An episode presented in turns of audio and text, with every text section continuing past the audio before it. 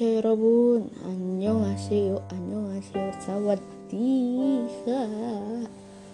Oke, kembali lagi dengan aku Farah Nim. Di sini sesuai judulnya kita akan belajar dari film The Call Oke, saya abis ya judulnya. Uh, I'm not a teacher dan aku juga tidak punya cita-cita untuk menjadi seorang guru. Tapi di sini kita sama-sama belajar dari sebuah film. Karena kalau kalian tahu dan udah pasti tahu lah ya karena dari zaman SD SMP SMA itu tuh kita disuruh mencari moral value dari sebuah cerita dan dari sebuah film. Iya kan? Nah oke okay, mulai dari situ. Uh, jadi aku akan mengulang sama SD SMP SMA yang kita disuruh mencari moral value dari sebuah cerita atau film. Uh oke. okay di sini kita sebelum belajar atau mencari moral value-nya, alangkah baiknya saya memberikan kalian spoiler tuh, makan spoiler. Makanya kalian harus nonton film ini dulu. Sangat direkomendasikan. Oke. Okay? Tapi kalian dengerin cerita ini dulu. Kalau kalian udah uh, penasaran baru nonton, oke? Okay? Oke, okay, spoiler start 5 4 3 2 1. The Call merupakan film yang menceritakan adanya panggilan dari masa lalu semua berawal dengan lancar, smooth, dan pada akhirnya berakhir teror yang mengenaskan. Oke, jadi ceritanya ada seorang perempuan yang bernama Soyeon hidup di tahun sekarang atau di zaman sekarang. Saat di rumah sendirian, ia mendapatkan telepon dari seseorang yang tidak ia kenal. Setiap orang itu menghubungi Soyeon, ia selalu minta tolong karena ibunya akan menyiksa dia. Dan setiap orang itu menelpon Soyeon, ia selalu menyebut nama Sunhee Beberapa kali saya mendapat telepon itu, akhirnya ia curiga dan mencari tahu tentang siapa sih dia ini. Nah, saat itu dia juga menemukan diary ada di suatu tempat tersembunyi, yang di mana di situ juga tertulis cerita-cerita uh, seorang ibu yang menyiksa anaknya, ibu tiri tepatnya dan juga uh, ada foto yang tertulis Yongsuk 1999 nah karena saya penasaran akan hal itu Soyeon segera mengonfirmasi apakah betul yang ada pada telepon itu adalah Yongsuk? Dan jawabannya adalah iya. Hingga akhirnya mereka mengenal satu sama lain bercerita apa yang mereka benci apa yang mereka suka dan kejadian-kejadian apa yang akan terjadi di masa depan dan kejadian-kejadian apa yang terjadi di masa lalu. Oke, sebenarnya cerita tentang kejadian yang akan terjadi di masa depan adalah sedikit. Uh, namun di sini adalah kita melihat bagaimana si Yongsuk melihat masa depan dia dari uh, sosok Soyeon. Oke, lanjut. Mulai dari sini, Yongsuk dari tahun 1999 menyelamatkan ayah Soyeon yang meninggal. Gak sampai situ aja, Yongsuk tentu meminta imbalan untuk melihat apa yang terjadi di masanya. Karena Soyeon berterima kasih atas perbuatan Yongsuk yang telah menyelamatkan nyawa ayahnya, Soyeon memberitahu bahwa pada tanggal tertentu, ter, tertentu dan jam tertentu Yongsuk dibunuh oleh ibunya bukan akan ya tapi emang benar-benar udah dibunuh gitu. Kan uh, berita yang Soyeon baca itu benar-benar terjadi di tahun 1999 sedangkan Soyeon berada di tahun sekarang. Jadi memang benar sudah terjadi.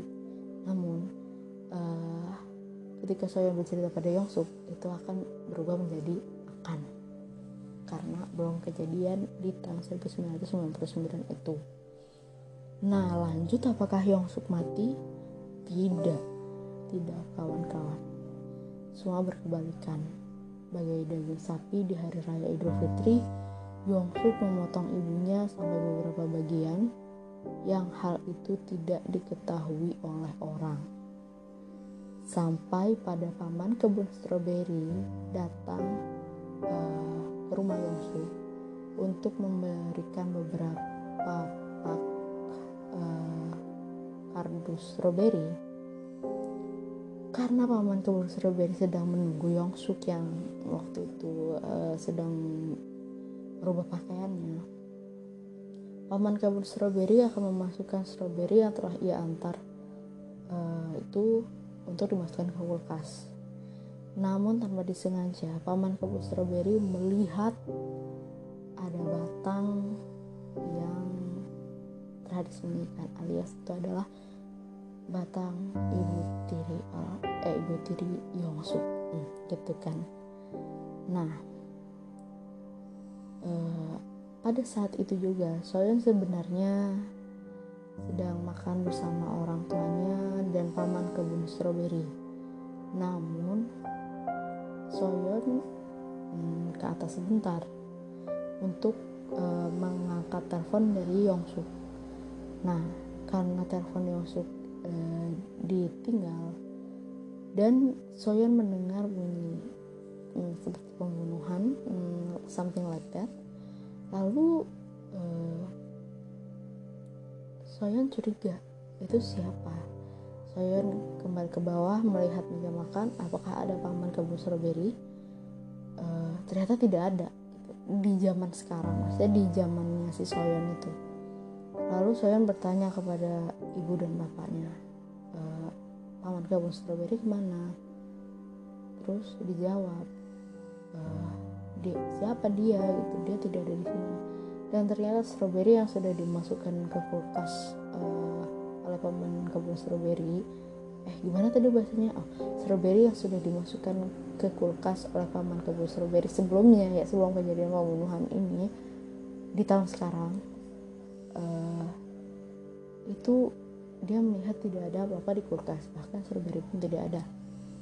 Karena Soyeon penasaran akhirnya Soyeon bertanya kepada Yongsuk berat uh, apakah kamu membunuh uh, paman kebun strawberry? Nah oke. Okay.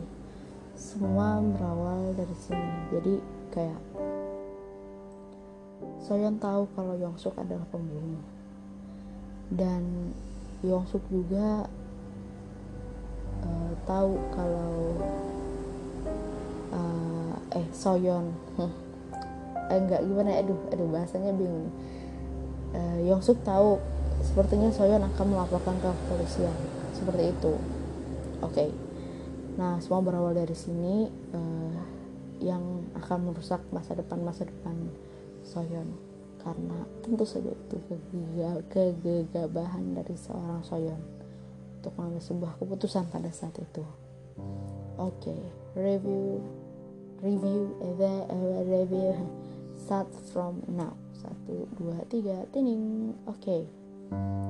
Uh, review aku atau aku ingin menilai film ini itu sangat bagus, bagus banget. Oh my gosh. Se uh, 9 dari 10 deh sebelas setengah dari 10 karena mungkin setengahnya itu ke mana ya? Setengahnya itu um, apa ya bingung juga kan. Uh, setengahnya nggak tahu pergi ke mana tidak bisa diungkapkan tapi di otak ada tapi tidak bisa diungkapkan dengan kata-kata gitu. Oke. Okay. uh, eh, ini film tuh bagus banget ya. Jadi kita bisa belajar banyak hal dari film ini gitu nggak cuma satu dua bahkan aku bisa merangkum ya. Maksudnya bukan merangkum maksudnya mencari moral value dari um, apa nih namanya uh, film ini tuh ada tiga. Yang pertama kita jangan gegabah dalam mengambil keputusan oke. Okay. alasannya kita jangan mengambil keputusan dengan gegabah karena ya kita nggak tahu ke depannya itu bakalan jadi apa gitu contohnya aja seperti kita mengiyakan suatu hal tapi kita tidak tahu dampak ke depannya itu ada apa tanpa kita cari tahu sebelumnya gitu. Terus yang kedua adalah hmm, tentang suuzon kita gak, gak boleh suuzon nih gak boleh suuzon kalau kalian nonton film itu di awal itu pasti uh, saya yakin lah pasti kalian bakalan menilai kalau ibu Yongsuk itu jahat. Ibu Yongsuk memperlakukan Yongsuk seperti kambing. Ibu Yongsuk memperlakukan Yongsuk seperti uh, apa ya diusir setan ibu Yongsuk memperlakukan Yongsuk seperti uh, ya banyak lah punya kesan yang terjadi pada Yongsuk dan akhirnya kita ngecap lah itu ibu tirinya Yongsuk ih jahat banget ih ibu tirinya Yongsuk harusnya jangan gitu dong. I a i u i a i u ya. Kan banyak i a i u nya gitu kan. Dan kita menilai kayak gitu. Uh, ya walaupun Yongsuk gila tapi jangan gituin dong. Kayak kenapa nggak masukin RSC dan sebagainya gitu. Nah mulai dari situ tuh kita pasti uh, punya pemikiran kayak ibu Yongsuk tuh jahat. Tapi sebenarnya enggak gitu. Bahkan se uh, pemilik toko Sunhee atau Sunhee sendiri itu uh, mengetahui bahwa uh, bukan mengetahui memberitahu kepada Soyeon bahwa sebenarnya itu ibu Yongsuk itu baik gitu. Karena ya ingin um, apa ya ingin memberikan asik aduh bingung banget tuh bahasanya. Ingin memberikan um, yang terbaik untuk dunia gitu. Nggak apa-apa gitu dia nanti di penjara tapi dunia itu harus baik-baik saja gitu. Dan itu memang benar-benar terjadi gitu ketika Soyeon menyelamatkan Yongsuk. Yang terjadi adalah kekacauan di dunia ini. Yongsuk adalah seorang psycho. Psychopath oke okay, lanjut. Uh, moral value yang ketiga adalah jangan menceritakan rasa benci kita kepada seseorang ke orang lain terutama ke orang baru. Misal aku nggak suka sama si Z karena si Z itu ini ini. Ini yang di mana si Z ini adalah uh, part of our family juga gitu. Karena gak apa-apa kalau misalkan dia masih sama-sama misal masih teman lah gitu X sama Y. Sama teman sih emang udah nggak ada ikatan darah atau apa ya masih bisa masih bisa ya itu udah normal sih ya. Sebenarnya nggak boleh juga sih itu kayak hal hal suka nggak suka itu udah normal gitu. Cuma kalau membenci yang part of family itu agak aneh jadi uh, kayak jangan sampai. Apalagi si Soyeon itu cerita juga ke Yongsuk kalau dia membenci ibunya karena kejadian yang sudah uh, terjadi ya tempo lalu ketika ayahnya meninggal gitu. Jadi uh, serem juga gitu kan. Ya akhirnya ya itu berimbas uh, itu tuh bukan berimbas maksudnya itu tuh menjadi bahannya Yongsu untuk mencari alasan kalau uh, ya lebih baik ibunya tuh dibunuh aja gitu. Karena buat apa orang sayang sendiri juga benci gitu kan? Nah jadi kayak kita tuh uh, dari film ini tuh uh, gak cuma mengambil keputusan gegabah doang yang menjadi apa uh, moral value pasti di film ini gitu. Nah mungkin buat teman-teman juga kalau misalkan dapet apa tuh namanya? Uh, namanya kan namanya? Uh, moral value yang baru atau moral value yang lain boleh banget sih maksudnya kita diskusi bareng. Mungkin bisa lewat DM IG aku atau mana gitu kan.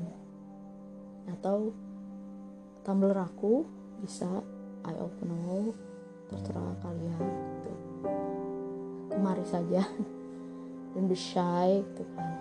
Nah for your information jadi uh, cerita ini dibuat dengan dua dua ending yang berbeda dua jalan ending yang berbeda. Ya di mana yang satu itu ya sebenarnya nggak usah dijelasin sih udah tahu ya dua ending yang berbeda itu apa gitu. Karena pemerannya kan di sini Yongsuk seperti apa Soyeon seperti apa kan. Nah ending yang pertama itu uh, adalah ya Soyeon hidup. Uh, ya kembali ke masa yang awal gitu. Jadi kayak semua tuh kayak mimpi gitu. Hmm, something like that lah. Dia masih hidup gitu. Soyeonnya uh, masih hidup. Ya papanya meninggal. Benar-benar kembali ke awal cerita banget gitu. Maksudnya kembali ke keadaan awal gitu. Dan saya minta maaf kepada ibunya kalau dia pernah membencinya gitu. Sebenarnya nggak nggak yang membenci banget gitu sih. Cuma kayak eh nggak nggak yang ngasih tahu banget kalau dia membenci ibunya gitu. Cuma ya ya dalam hati lah gimana film gitu kan. Terus cerita yang kedua adalah uh, hmm, cerita yang kedua tuh gimana ya? Eh cerita yang kedua gimana? Ini yang kedua ya uh, udah tau lah Yongsuk tuh masih hidup gitu. Ya kembali ke bener-bener kayak Yongsuk hidup dan uh, zamannya tuh bener-bener zaman sekarang gitu.